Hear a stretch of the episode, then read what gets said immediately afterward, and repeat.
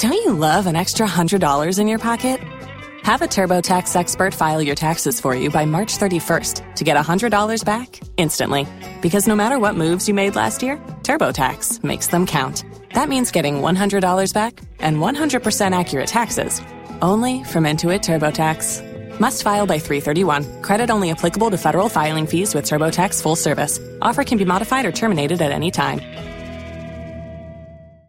Every fan knows the right player in the right position can be a game changer. Put LifeLock between your identity and identity thieves to monitor and alert you to threats you could miss. Plus, with a U.S.-based restoration specialist on your team, you won't have to face drained accounts, fraudulent loans, or other losses from identity theft alone. All backed by the LifeLock Million Dollar Protection Package. Change the game on identity theft. Save up to 25% your first year at LifeLock.com slash aware.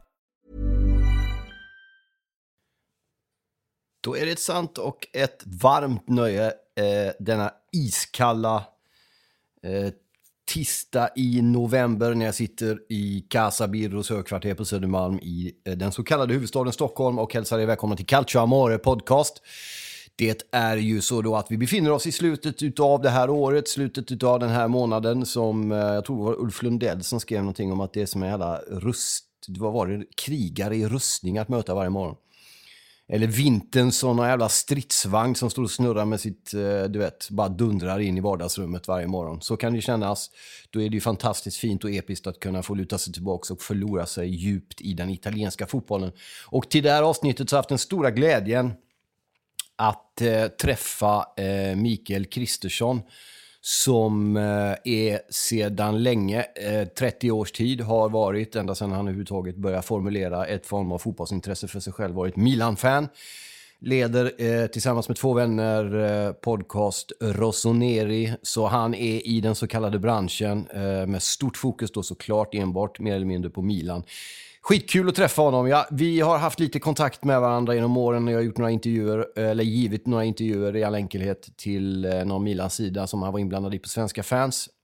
Um, och även en eh, eller två intervjuer i deras podcast Rossoneri som jag rekommenderar varmt att gå in och lyssna på uh, för att få uh, det uppdaterat kring Milan. Milan är ju en fantastisk klubb på väldigt många sätt. Jag läste någonstans att de är den förening som flest har som andra lag. Om det var Italien eller lilla Europa till och med. Eller sånt där. Det är många som gillar Milan. Det är svårt att tycka illa om Milan. Jag vet att det finns naturligtvis både supportrar och lag till andra, eh, supportrar till andra lag och klubbar som, som gör det. Men många har också ett varmt hjärta till Milan och det har att göra med att de över tid har levererat eh, inte bara framgångar och stora lag utan stora tränare, stora spelare, stora spelidéer. Arrigo Sacchi i slutet av 80-talet, början av 90 revolutionerade fotbollen med sitt sätt att spela. Då var Milan eh, en bra bit in på 90-talet världens i särklass bästa fotbollsklubb. Bara dammade av.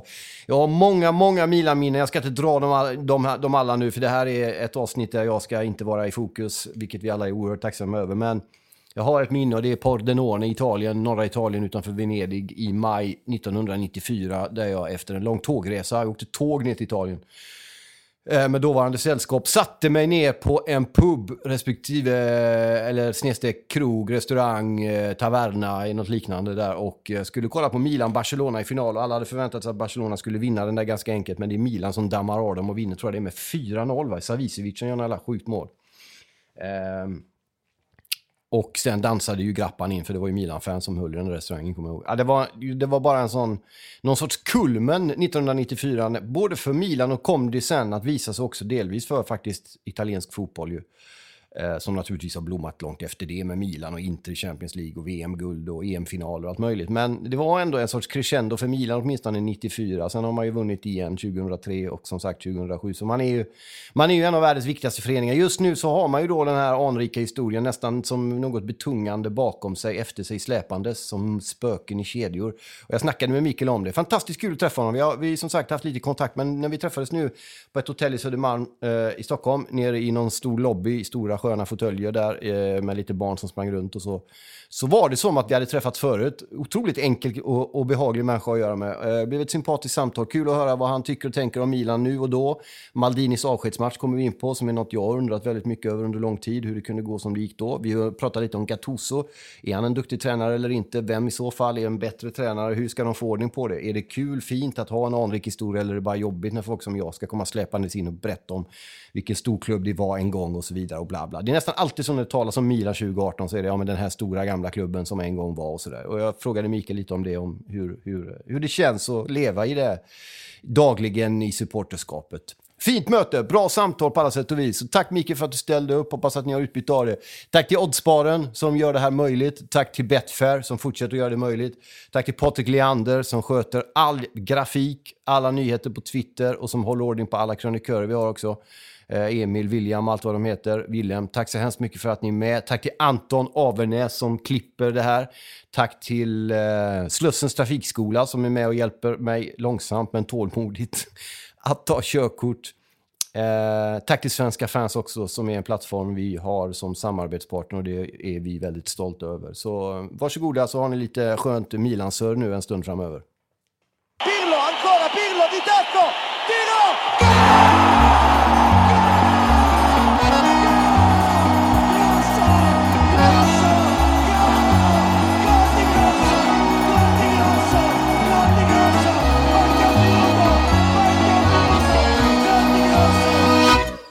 Men hur är det med dig? Det är bra, det känns jävligt gött att inte vara bakis en söndag när man är barnfri. Så att, eh, Ja. det känns jävligt gött. Ja, och då har ni ändå varit på kryssning. Ja. Men det var med barn ska vi säga. Nej, ja, det, Nej, var, nej, det var med flickvän. Så Ja, så det, var det var det, en annan resa. Men det var rätt kul att se andra grabbgäng var ju skitslitna igår. Ja. Så att jag har ju varit med i de kryssningarna också. Så att, eh, men det är helt skönt söndag och, och inte vara bakfull. ja. Eh, varannan vecka pappa eller? Exakt. Ja, en klassiker. Det är samma här. nästan, man kan inte få säga det, men det är en jävligt bra lösning. Ja, vad är Bästa av två världar. ja, hur gamla är barn? Du, min dotter blir 10 imorgon, så det är stort kalas imorgon. Ah, okej. Ja, så, så att eh, hon är jävligt taggad. Hon hade kalas för sin, med sin morsa och den sidan i, igår. Så att hon Ja. var ju lyrisk. Ja, okej. En del att leva upp till då?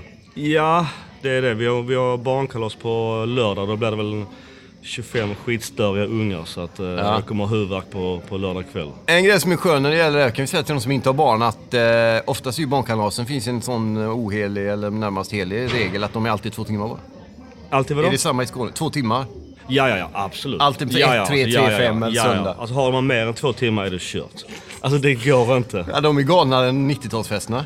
Ja, det är hemskt. Eh, nej, alltså jag vet också just vissa barnkalas där man inte har follat in med en fåra. Då är det helt kört. Man måste ha aktivitet hela tiden så att ingenting bryter eh, regelboken. Ja, exakt. Adrenalinlinjen. Helt kört. Vad, eh, eh, hur gammal är du förresten? Jag är 79 så nästa år blir jag 40. Ah, fan, okej. Du har, har du någon kris? Nej, jag har fan inte det. Alltså, jag, jag, jag, jag vet inte det här med kriser. Jag tänkte att jag ska köpa MC och köra ihjäl men jag har fan inget på gång. Det Nej, men så, nej, nej, men så behöver man ju inte. Men man kan vara så nostalgisk, melankolisk, börja ta regniga promenader på kyrkogården, läsa gravstenar. Nej, jag har fan varken det ena eller andra. Jag, jag minns när jag blev eh, 25, då kändes, så kändes jag att nu är fan ungdomen slut. Ja, Men jag tycker fan det nästan blir bara bättre och bättre för varje år. bra. Gäller det även eh, laget vi är här för att tala om? Ja, det vet jag fan alltså. Det blir väl bara sämre och sämre känner jag. Men, det, blir- jag tror ju aldrig att det blir ett nytt Grande Milan. Det tror jag tyvärr inte. Ja. Ett lag på deke sa du innan vi drog Ja, igång tyvärr. Är, är det så du känner på liksom? Ja, Det är svårt att inte säga att det är på dekis med tanke på sen eh, 07 när Galliano sa “We are fine as we are” och inte köpte någonting trots att laget var redan gammalt då. Sen dess har det varit skit. Vi visste vi vann klubblags-VM 08, vi vann i och för sig ligan 11, men därefter har det bara varit skit. Alltså riktig ångest. Varför 07 stod man ju på en topp. Eh, man var med Champions League det året eh, och allt sånt där. Vad, vad, har man varit dålig på? Var, var det då liksom grunden lades för det Milan vi har nu då? Ett något sämre Milan? Eller att inte grunden lades så att- rättare sagt. Det var nog då Berlusconi valde att eh, nu stryper jag kassan, stort sett. Och därefter blev det ju pinsamma Galliani-värvningar och långtidskontrakt på spelare som var på neråt. Och Ekonomin var väl sådär liksom. Så att, eh, alltså många bäckar små men, men sen dess har det varit skit och många dåliga beslut. Och, Men, men varför fanns det ingen kronprins, eller vad man ska kalla det då, italienska termer, till Berlusconi? Varför fanns det ingen som kunde ta över? Vad tog hans dotter vägen med alltihop där? Vad hände där liksom, i den alltså? Barbara hade ju ändå ett projekt och mycket med stadion. Hon, alltså hon är ganska slipad. Hon har fått mycket skit just för att hon stoppade affären med Paris Saint-Germain och Pato. Men hon är jävligt slipad på det hon gör. Hon kan ju ingenting om fotboll, vilket också många missförstår. Men någonstans så tror jag, jag vet inte om det är italiensk, det här gamla patriarkatet eller vad det är, men hon fick ju aldrig en ärlig chans. Nej. Men hon kan ju ingenting om fotboll, men hon kan ju business på sitt sätt.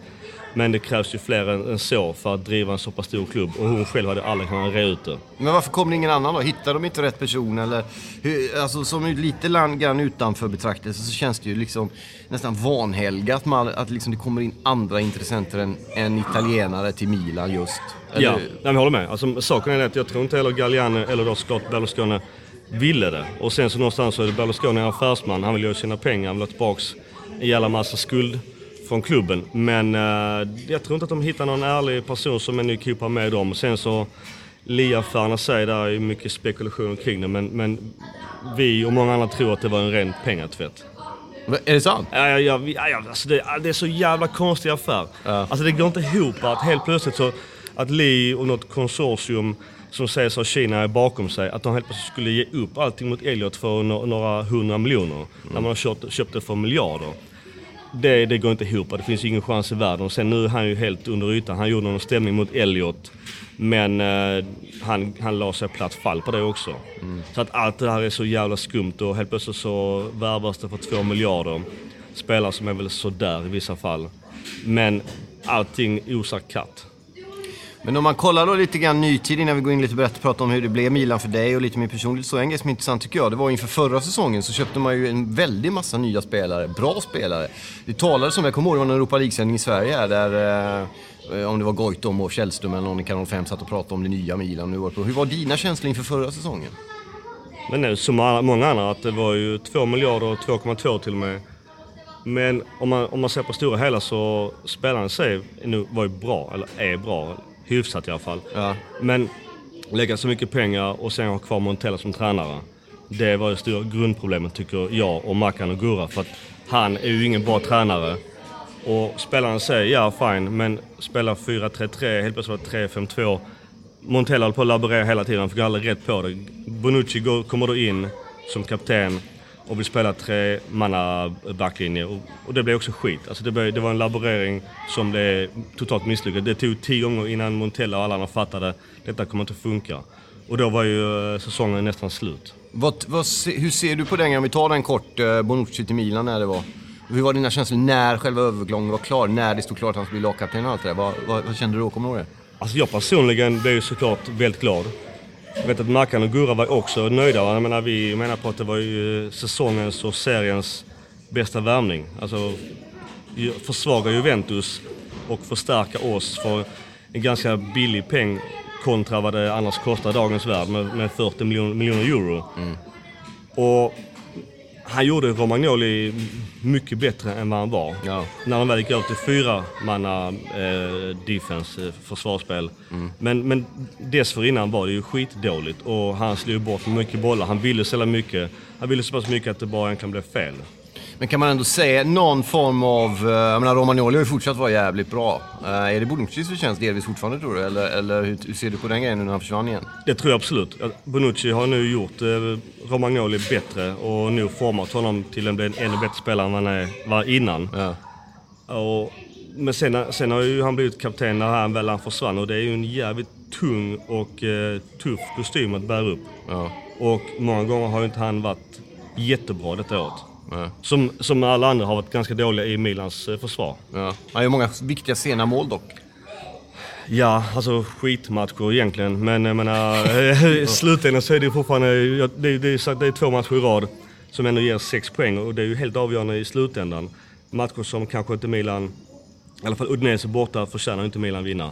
Men med slutändan så är det ju tre poäng och, och det är just Romagnolo som gör målen. Och eh, Alltså den turen har man ju inte hela säsongen.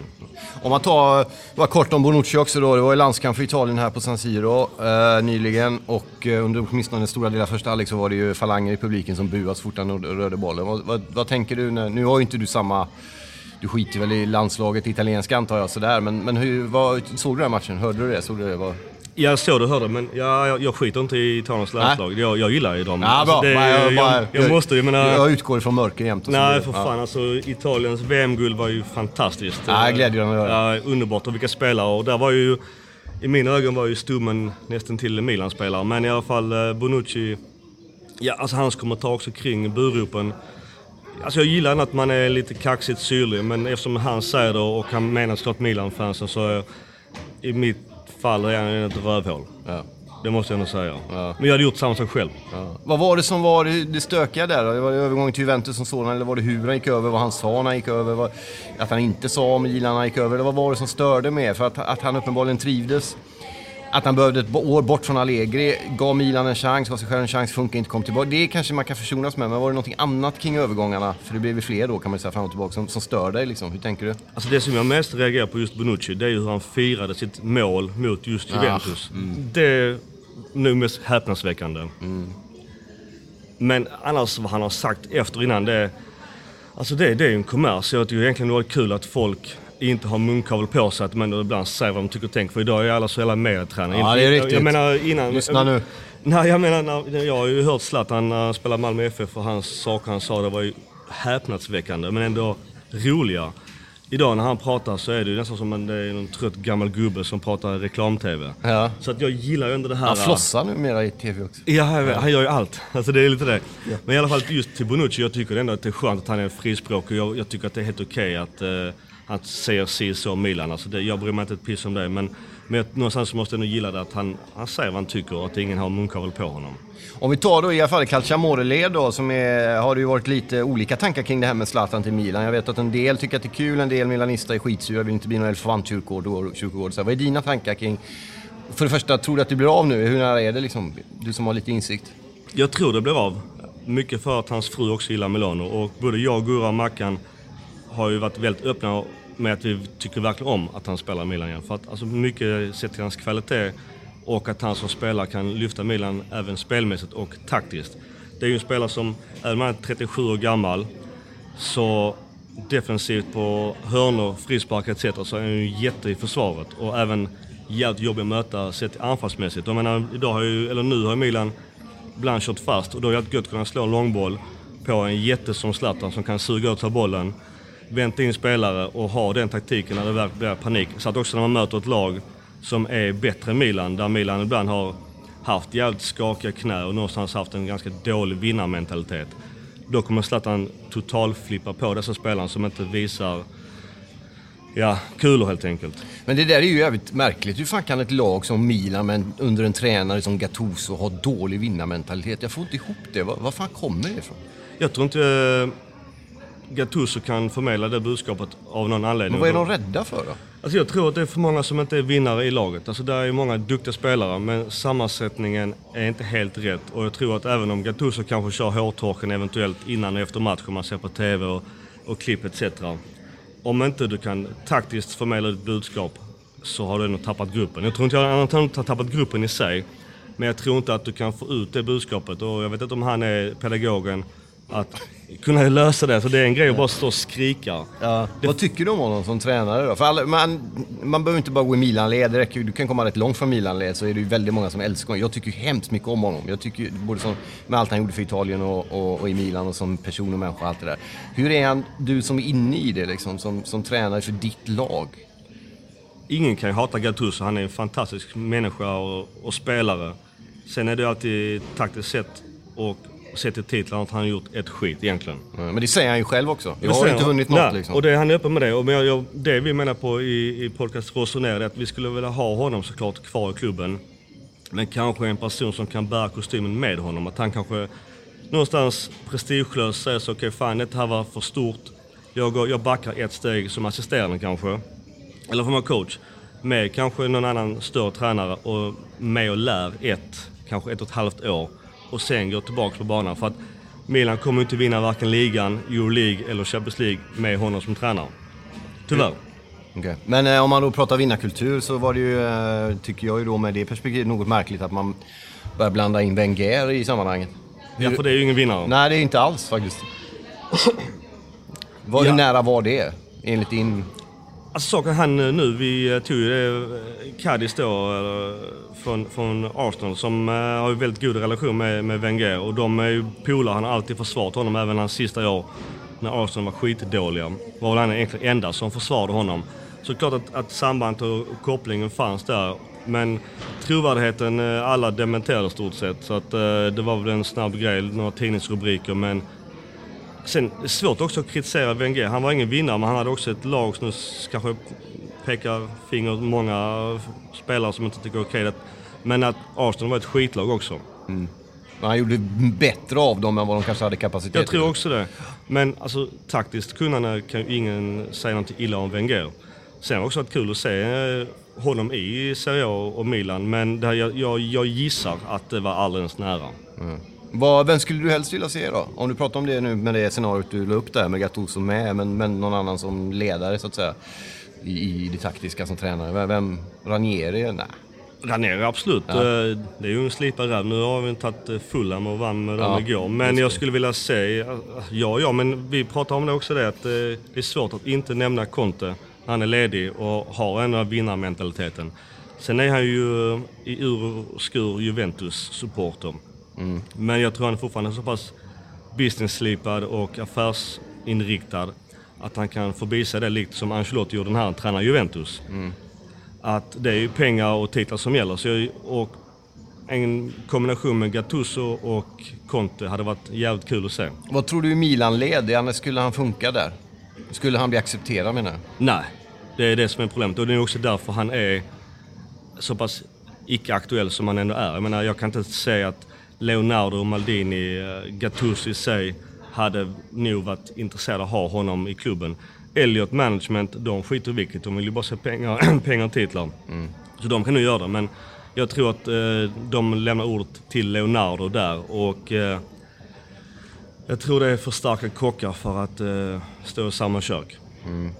ja, men eh, en, en grej som... Han satt ju i söndags, eh, alltså idag när vi bandade där på Tardini såg jag, Conte. Och kollade Parma Sassuolo. Det är ju på den nivån han är, en lunchmatch. Men ja, vi får väl se. En grej som var intressant tycker jag, var i Italien under en tid när Allegri gick från, eh, från eh, Milan till Juventus. Nu är inte han alls lika mycket förknippad med Milan som eh, Conte i Juventus, men det var ju, alltså folk var ju skitförbannade på honom. Nu är det ju ingen som... Finns det är det helt kört eller finns det en liten lucka där, okej, fan vi tar tre månader jävla, du vet, beskjutning men sen kommer det bli bra när de ser att det är rätt? Eller är det kört? Är det omöjligt med Conte i Milan? Nej, det tror jag inte. Jag menar, som alla andra klubbar och, och lag, vinner du matcher och, och titlar så kan ju din värsta fiende vara tränare i slutändan. Ja. Det är lite så. Men sitter du och hoppas på att Milan ska förlora för att bli av med Gattuso? Nej, aldrig. inte? Nej, aldrig. Alltså, nej, det, är inte för den fan jag- alltså. Nej. Alltså de som har det resonemanget, de, man måste se den stora bilden. Visst, det kan ju vara en, två matcher där man torskar för att någon, någon reaktion händer, men alltså det, det går inte. Det, då är det inte på riktigt. Hur började ditt på riktigt då? Någonstans var det, var det 88 redan? Ja, jag vet Då att- var du nio år bara. Ja, jag vet. Jag vet. Nej, men jag vet att både jag och Gurra och Mackan har ju faktiskt samma bild just av Milan. Det är ju de här tre holländarna. Ja, okej. Schullit, van Basten, Rijkaard. Sen så vet jag att många gick då till Inter med ja. med De Klinsmann. hade och- olika, Inter tog tyskarna, Milan tog holländarna. Exakt. Juventus var lite franskt. Så. Ja. Så att det är ju från EM 88 och visst jag var ju bara en snorunge då men när man såg Holland spela fotboll eh, EM 88 så det var omöjligt att inte hålla på Milan när alla de tre spelar samma lag. En stor, eh, en utav de i särklass största som någonsin har gått på en fotbollsplan gjorde ju sin debut för Italien 88 också. Vet du vem det var? Nej. Paolo Maldini. Ja, ja. Han gjorde debuten i EM 88. Han såg ut som en rädd fågelunge under nationalsången. Alltså. Vad, vad betyder... Eh, för Milan för mig är ju väldigt mycket Maldini. Vad, och, vad, vad, vad är dina känslor som, som har levt nära klubben ändå så länge? Liksom? Men det är som du säger, jag menar, han, han kallas ändå för Mr Milan, vilket ändå säger en hel del. Och jag menar, hans far är också förknippad i Milan. Ja. Och, jag vet inte, han mer eller mindre föddes ju på San Siro likt hans... Nu hoppas man ju såklart också på hans söner att de ska bli någonting. Christian då är ju med i Primaveran och det, det är ju tyvärr inte samma talang men uh, Malini, att han, han har varit ifrån Milan så pass många år. Uh, Vems, vem, vems val var det tror du? De har ju någonting konstigt mellan uh, Galliani och Malini. Ja. Och sen så någonstans också, som här, jag kan förstå också ledarskapet, att Malini var ju en superb fotbollsspelare, men man vet ju inte vad de kan utifrån klubblag och ledning. Jag menar, det är, du är en gentleman, ja visst, men du ska kanske kunna göra massa andra saker som man inte har aning om som fotbollsspelare. Men jag tycker ändå som ambassadör så bara hans namn i sig borde attrahera nya spelare och nya marknader och sponsorer. Så att, eh, därför hoppas man också mycket på att nu med Kaká, men eh, Milan i klubben nu känns ju helt rätt. Och det är också någonstans ett kvitto på att Elliot ändå vill väl ta in honom. Och alla vi som följer Milan med på ja men Malin hade inte gått in i Milan idag om inte det var någonting som var seriöst. Just det här debaclet med, med, med kineserna backade han ju från ganska snabbt. Och det var ju inte att han krävde värsta vd-rollen utan han, han ville se en, en, tydlighet i det här projektet som ingen såg. No. Alltså det var ju till och med granskande eh, journalister i Italien som hittade mer eller bara en, en postlåda någonstans utifrån det här företaget. Och då, om man då som spelare och, eller gammal legend inte kan se detta, är det svårt också att skriva sitt eget namn på detta ledarskapet när det är hittepå, vilket också det visar sig vara. Mm. Om vi tar lite mer allmänt då, bara kort också. Eh, Serie A-status i Sverige 2018 är alltid intressant att prata. Det känns som att det var, åtminstone när säsongen drog igång, att det var lite på uppgång. Ronaldo till Juve. Sen kom Strive. Och ja, det, det är ju, alltså det är fortfarande känns som att vi, vi lirar en, en våning ner typ. Källaren håller vi på att härja, eller? ja, alltså det är hemskt att säga det, men du har ju rätt och, och Strive har väl... Um, alltså för det första får man ju också tacka att de ändå levererar. Ja, alla andra risken svik... var ju att, det, att vi inte skulle få ja, se ja. någonting. Alltså alla andra sviker, då, då blir det ju stream via nätet. Ja. Och sen hoppas man ju också på att, uh, hemskt nu, men att, att Zlatan tar ändå, säger ett snägg, snäpp till på hyllplanet, i alla fall i, i svensk media. Mm. Att det blir mer fokus igen på Serie A. Och såklart då Milan eh, när han kommer till, eh, till Milan, om han nu gör det, det vill säga. Mm. Men jag tycker det är hemskt att säga att, att varken de andra stora mediekanalerna, att, att de sänder eh, Serie A eller ens La Liga. Det tycker jag är jättepinsamt. Sen vet jag om, om Serie A blir mycket dyrare att köpa in, just för att Ronaldo kom till Juventus, så att det har med saken att göra. Men å andra sidan borde det locka ännu flera tittare. Ja. Nej, det är, det är, jag är ju Alltså, jag vet Strife får mycket kritik och, och, det är möjligt att de kan ha en till en viss del. Men jag är bara tacksam för att få se matcherna. Liksom, för ja. det, det, är den nivån det är på lite. Men återgår till att vara Milan-fan i Sverige. Du har ju varit med liksom inom Ja, både, både då när det har liksom gått sådär, gått väldigt, väldigt bra och när det nu då går lite tuffare, eller ganska mycket tuffare om man jämför med. Hur, hur, är, hur är det att vara liksom Milan-fan i Lund? Ja, det är jävligt jobbigt måste jag ändå säga. Hur många är ni egentligen? Eh, i... Ja, men typ om du ska gå och se en match ute någonstans. Är det, är det någon annan som håller på Milan i Skåne ens? Jo men jag har faktiskt ändå rätt många polare som eh, håller på Milan. Ja. Sen så kanske inte alla har det som sitt första. För jag menar, vi nere i Lund och Skåne, det är ju MFF som gäller såklart som kanske första lag för många. Ja. Men jag vet, många av dem jag känner är ju också 79 och menar, är du 79 och inte håller på Milan har du ju missat fotbollen. Alltså så enkelt är det. Ja, riktigt. Missar du holländarna så har du inte sett fotboll, punkt slut. Så vi är ändå ganska många som håller på Milan och följer Milan såklart och diskuterar Milan. Så att jag känner mig inte ensam i det. Men vi alla är ju olika fanatiker kring det. Men, eh, men i slutändan så är vi ändå en del. Men stora frågan just nu har ju varit eh, tränarfrågan. Vad, vad gör vi med Gattuso? Eh, ska han vara kvar? Ska han inte vara kvar? Det är ju stora frågan som alla ställer sig. Men vad hoppas du Milan skulle vinna, tjäna på att byta tränare i det läget som är nu med allting annat runt omkring och spelare och sådär? Vad, vad, vad, är, vad skulle kunna bli en skillnad som du ser?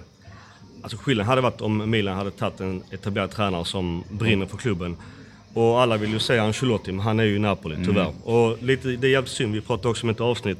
Hade då Elliot med Maldini och Leonardo kommit tidigare, när han, innan han skrev på för Napoli, så kanske, hoppas man, det är ren spekulation, att han återförenas med just Maldini och Leonardo i, eh, på Milans bänk. Det hade varit det bästa, men nu blir det ju inte så. Men Alltså man vill ju gärna se eh, någonstans eh, en Ett tränare. större namn, tränarnamn. Alltså, alltså. alltså ska, du, ska du väl byta tränare så ska det vara ett jävla S, annars är det inte lönt. Mm. Alltså, Lippi då? Lippi, absolut. Absolut. Lippi Capello, alltså en stor jävla rock som fyller den också. Vad gör Capello nu för? Jag vet inte faktiskt. Vi, vi hade också det som någon diskussion men vi, ingen som fattar Sitter hemma och lyssnar opera någonstans? Ja, han gör väl det. Jag vet inte om han är kvar i Ryssland, men... men det, alltså det är på den nivån. Alltså det är inte lönt att ta någon som har varit duktig i något år i någon, någon bottenklubb i, i Serie För jag tror att den kostymen Milan ändå inbringar, att det måste vara ångest att bära. Man såg ju en sån legend som Inzaghi. Han blev ju gråhårig på ett år när han hade den kostymen på sig. Det är lite jobbigt att se det också. Ja. Så han måste ha gjort det tidigare, tror jag, för att kunna leverera. En favorit för egen är ju Montolivo. Vad hände med, med honom? Han var också en spelare som jag höjde. För att, eh, men efter hans skada då, eh, inför ett mästerskap, så blev det ju tyvärr bara skit. Han är ju, sitter på ett ganska dyrt kontrakt med utgående till sommaren. Och eh, Milan vill väldigt skeppa honom i två, tre fönster. Men är att han fortfarande skadad eller är han tillbaks? han är, han är utfryst stort sett. Han och Bertolaccio, Mauri till viss del, men Montolivo med tanke också på vad han tjänar och hans ålder så Men vad han menar du med utfryst. Han var ändå lagkapten väl? Va? Ja, alltså det, är i hans fall tyvärr för honom och, och för, tyvärr för Milan för jag tycker han var jävligt duktig innan hans skada. Att Gattuso vill inte spela honom idag. Det, är- jag, tror nästan hellre han byter in Abate på den Men, positionen. men varför? Vad är anledningen till? Det är nog för att, de, att han eh, satt och sommars när Milan ville skeppa honom mer eller mindre gratis, att han inte ville sticka någonstans. Och då blir det tyvärr den här mentaliteten att ja men vi gillar inte dig, du är ganska dålig, du är på väg neråt så många år och hög, till hög lön. Du får lämna, vill du inte lämna så kommer jag göra ditt liv till helvete. Jag tror tyvärr att Milan är där idag. Det här är ju ändå en som var tänkt att bli fanbärare. Jag satt ju på presskonferensen nere på, på i Italien, kommer ihåg från Champions League-match med, när Allegri var tränare och han, då satt ju han bredvid, liksom han och Montolivo var talespersonerna för Milan utåt. Men du menar att det är den, det är ju inte så jävla Milan-likt. Äh, Inte alls, och det, det chockerar mig. Och han, han kan ju spela fotboll, ingen snack om saken, men någonstans har det hänt med hans kvalitet sen han bröt sin eh, fot eller vad det var. Och idag så, ja tyvärr, alltså det är hemskt att säga det, men han är inte bra idag på samma sätt. Och det har också gått många år, han har varit ifrån fotbollen ganska mycket. Och väldigt lite speltid. I fjol fick han knappt några minuter och när han väl gjorde så blev det inte så bra. Men varför vill han vara kvar då, om vi vänder på det? Varför vill han stanna? Är det bara för, han skulle kunna gå till Parma, Sassuolo och sånt där och kriga liksom. Och vara med och spela lite. Det är dels är det så, såklart lönen. Byter han klubb kommer han gå ner i lön med sin ålder, kvalitet och hans CV sista åren. Men sen så, många verkar ändå trivas väldigt bra i Milan. Många pratar ändå ganska varmt fortfarande om Milan, Milanello och, och allt eh, vad det innebär att spela i Milan.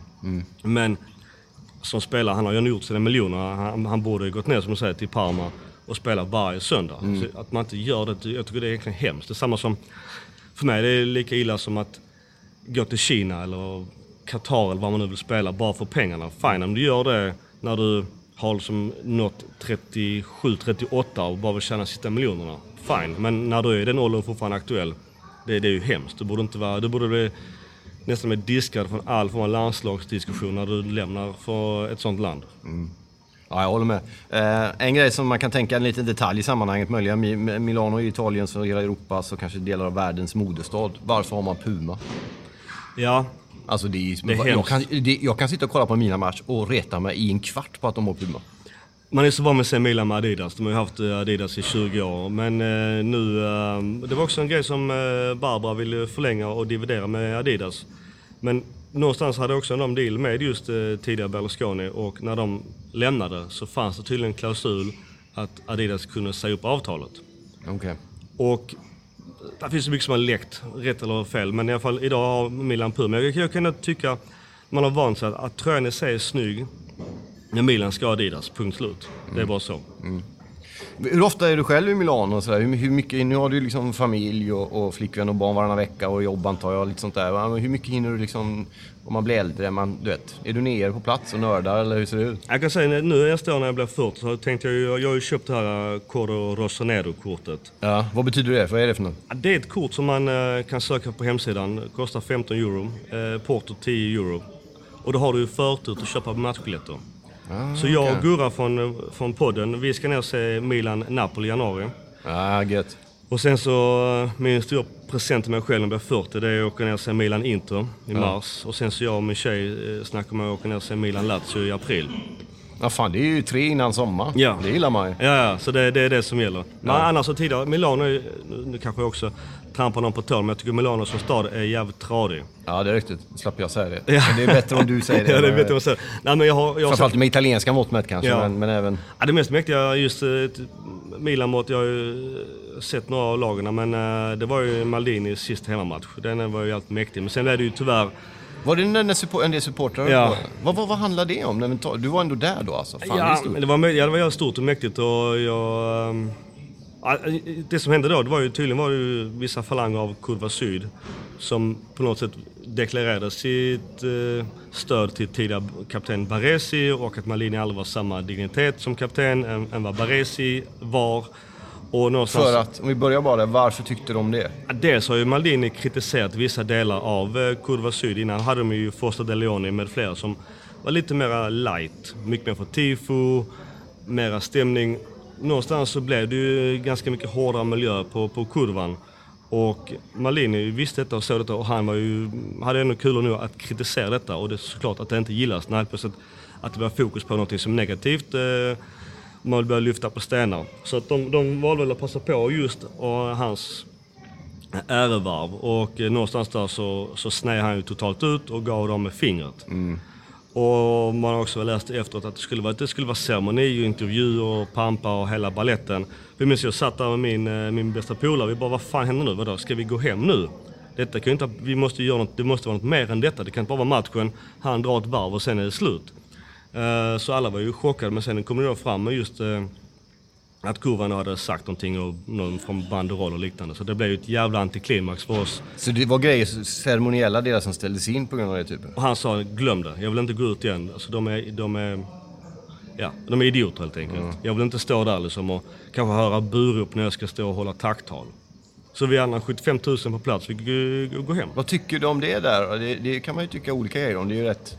Han gjorde det säkert i affekt i någon mening. Han var ju säkert jävligt ledsen och upprörd såklart. Men att låta då, jag vet inte hur många, några hundra det kan ha varit, men ändå liksom få störa då för 74 000 andra. Dels för det första att de förlorar mot ditt Roma eh, i en jävligt svängig match. Men att man i affekt, fan, jag, jag kan tycka... Jag är nog själv likadan att man, man gör mycket dumheter i affekt. Men jag tycker det är, liksom, det är synd också när man någonstans vill ge tillbaka. Och sen så då sista matchen överlag är en bortamatch. Även om den är uppmärksammad så det är inte samma sak. Man vill ju ändå ha alltså, sin primetime på San Siro såklart, där man mer eller mindre har fötts. Så att jag tycker det är, det är synd att han ändå lät de här få vinna över oss andra 75 000 på plats. För Jag menar, vi har ju sett firanden efteråt. Framförallt det jag kommer att tänka på i Totti såklart. Ja, det är helt fantastiskt. Den var ju otrolig, men även liksom på svensk nivå. Kennedy i Stockholm Ja. var ju också fint liksom. Ja. Och Maldini då varande sen, jag menar, det satt ju stora delar av hela fotbollsvärlden satt ju och kollade på det här. Det var ju miljoner människor som såg det. Av en enda anledning att han skulle tackas av och då låter man ju de här supportrarna ett extra antal störa den grejen liksom. Ja, de är, det är hemskt för att eh, det är som du säger, Tottis eh, förra året, det var, ju- jag håller ju inte på Roma som du vet, men det var ju magiskt. Alltså, man satt ju nästan med, med tårar själv och man önskar att man var på plats ju. Och som sagt, Kennedy, Hussein, jag kan tänka mig nästa år Rosenberg nere i Malmö kommer ju också bli på den nivån. Så att jag tycker det är jävligt synd för att Malini har aldrig fått det avslutet. Därför vill man gärna se nu att han gör någonting med sin roll i Milan och ledningen som någonstans kanske man kan tacka honom för i slutändan. Så Det är här tacksamhet som man aldrig riktigt fick på riktigt. Eller som man själv valde att säga nej till. Exakt. Ehm, lite avslutningsvis sådär ändå, vad, vad ser du nu då? Vi, vi står ju där vi står, Milan är där de är. Vad, vad, om du ser framåt den här säsongen, resten och eh, lite längre fram och sådär. Vad, vad, finns att vänta de närmaste 4-5 åren för Milan? Och för Milan-fansen framförallt kanske? Med Elliot i ryggen som ändå är i business, de skiter ju fett i Milan såklart. Men de, de vill ju skapa ett brand som är mycket mer värt än vad det är idag för att sen sälja av det. Och för att kunna göra det så krävs det titlar och framgång. Så att först och främst det gäller ju att nå den här fjärdeplatsen. Och jag, även om Milan har spelat ganska dåligt i år och många spelare som inte har skött eh, nivån kan jag tycka på, på kvalitet, så finns ju ändå fjärdeplatsen inom räckhåll. Det känns ju som att det är ni i Roma, det är vi i Milan, Lazio, kanske Fiorentina som gör upp om den här fjärdeplatsen. Hoppas såklart att Inter kommer ju åka mycket mer neråt än vad de är idag. Men de känns tyvärr starka och Napoli är väl där och Juve har redan vunnit ligan. Så det är ju den här fjärdeplatsen som, som gäller. Men av de lagen du räknar upp där så är ju Milan eh, bland, ja, topp ändå just nu va? Alltså Roma fick stryk när vi bandade här mot Udinese. Ja. De är ju liksom... Och det är matchen Milan vann då just bort mot Udinese. Det är för det första en jävligt tuff match och Milan hade tur som ändå tog den matchen. Det var, det var Ja, sena mål där. Ja. Men som sagt, jag, jag har svårt Wow, att ja. se utan att, eh, nu är det mycket skador på Milan, men att eh, Milan kommer ju behöva värva i januari. Nu har vi Paqueta på ingång och vissa vill ju Det jämföra... är en bra värvning. Det är en bra värvning, Det väl- det är det, många vill ju jämföra honom med Kaká. Skulle det vara det så eh, absolut, och då finns ju chansen. Vi behöver en, en riktig nummer 10 med tanke på att Chanuglu har varit eh, jävligt dålig egentligen. Sen vi mötte just er i Roma har han varit dålig i Milan. Och vi behöver den nummer 10 som kan transport, transportera bollen och göra en gubbe och någon frisparksmål. Så han hoppas ju Milan mycket på. Och med tanke på alla skador så kanske han går rakt in i januari och kanske gör skillnad förhoppningsvis. Och kanske en Zlatan då snart efter jul. Absolut, och Zlatan vet ju alla vad han kan och han kan ju ligan, han kan klubben så att jag tror inte han behöver så mycket tid på sig att komma in i laget. Och jag kan tänka mig att eh, Zlatan lag kommer även höja en spelare som Higuain som måste börja leverera ännu mer. Sen är det ju så när det gäller Zlatan också, ska man göra, ska man gå till en liga när man är lite äldre, ska man gå till Serie A. Det är ändå med all respekt, den är lite långsammare och, och han kan den, han vet det, han har liksom, du vet. Så att det är ju ingen, han har ingen startsträcka in direkt. Jag tror också mycket därför han vill gå till Serie A. Att eh, hans 37-åriga kropp eh, håller för, för det tempot. Eh, fysiskt sett så det, kan han gå in var som helst men det är fortfarande det tempot i sig. Just det här med Milan när det gäller den anrika historien och sånt man tänker på. Är det en belastning eller en välsignelse att, att det är så just nu? Det kommer alltid vara en belastning.